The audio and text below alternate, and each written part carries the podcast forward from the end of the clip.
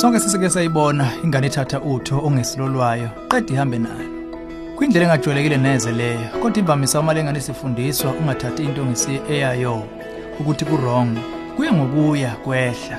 Lokho-ke kuyimvamisa nokho kunemindeni ehluphekayo uma ingane yabo ingabambi isanhlobo leso sifundo qeda ilethe usizi kubazali. Sizokhuluma ngokuthe xaxa ngalokhu bese silelela umzali okuleso simo khona la ohlelweni ezomndeni. Hlala ulalele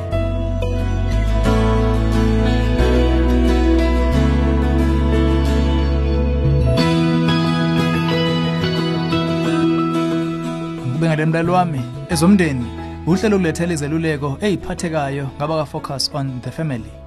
Umama olangazela ukubona uguquko ekuyiphatheni kwendodana yakhe usibhale wasibuza wathi umfana wethu oneminyaka emine singamisa kanjani kweba kubeka yonke indawo esiya kuyo senkonzweni nesitolo library nasemakhaya bangani phume sephethe into ngesiye yakhe nginomuzo othi mhlawumbe uphethe okunganaki nje kokuvesa afaka uthe ephaketheni bese yayikhohlelwa. Mina nomkhona wami sesikhulumile naye kaningana ukuthi kungani kukubi lokhu kuziphatha simtshela ukuthi lithini iBhayibheli ngokweba. Sesike sizama ngisho ukumjezisa kodwa uyaqhubeka kwenze. Senze njani? Usemzini omuhle uma uqale ngokumbekela ngokwenkambiso yezwi. Uqeqesho lukamoya enganeni lumelwe ukuqala isencane. Kufanele lube ngoluphathekayo futhi ngoluqondene ngqo nempilo yansuku zonke.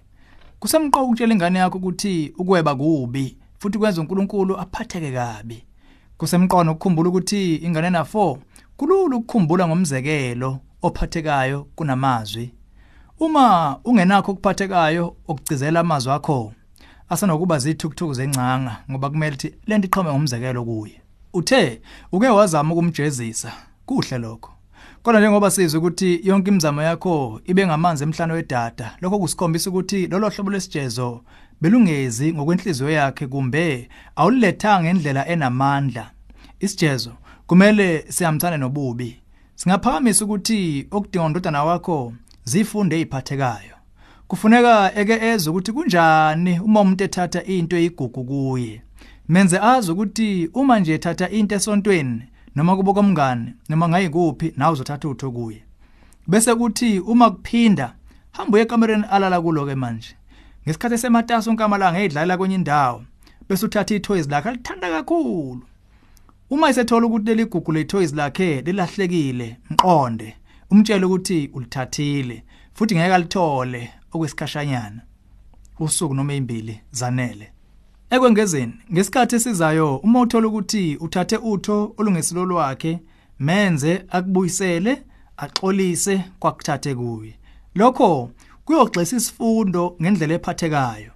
Umzekelo uma ethathe noma incwadi kathisha kasinto skole kumele ayoxolisa kuye. Kuyicebo futhi ukusebenza nothisha ukwenza uhlelo lokubuyisana. Kusenokwenzeka uhlelo ukuthi angayi ukodlala masekudlalwa kumbe asale eklasini aclean indlu yokufunda. Uma kuukuthi umcabango wakho ungaliqinisa ukuthi sengandodana wakho usuke ngaqonde kweba ukuthi nje usuke edlala ngento bese ayifake ephaketheni bese ayikhohlela ukuyibuyisela. Leli suke kungamele liqede masisha lomoya wokweba engaqondile. Nakube singena kusho ngqo ngenxa yokungalazi ngqo ngqo ngqo isemva lendodana wakho kusona kwenzeka ukuthi isimo lesesijulile ngokwempilo yakhe. Isibonelo uma ukuthi ingane yabe adoptiwe eyihlukumezekile ngokulahlwa kumbe uma usuke uqaphele dodela ukudla sekwamele ubonane nongoti. Sicela ufonele umnyango wezokwelulekwa efocus on the family ukuze ukhulume nezisebenzi eziqeqeshiwe ngokweluleka nixoxe futhi ngocingo kanti zisengakwazi uba zikudlulisele kwabanye ongoti abaseduze nawe. Inombolo ithi 031 716 3300 sithandazela ukuba emva kokuba sewenze lezi zifundo eziphathekayo bese kuyaguqwa masisha ukuyiphatha kwandodana wakho. Lolu hlelo ezomndeni ulethulelwe yi-focus on the family sihlangabezwa ohlelweni oluzayo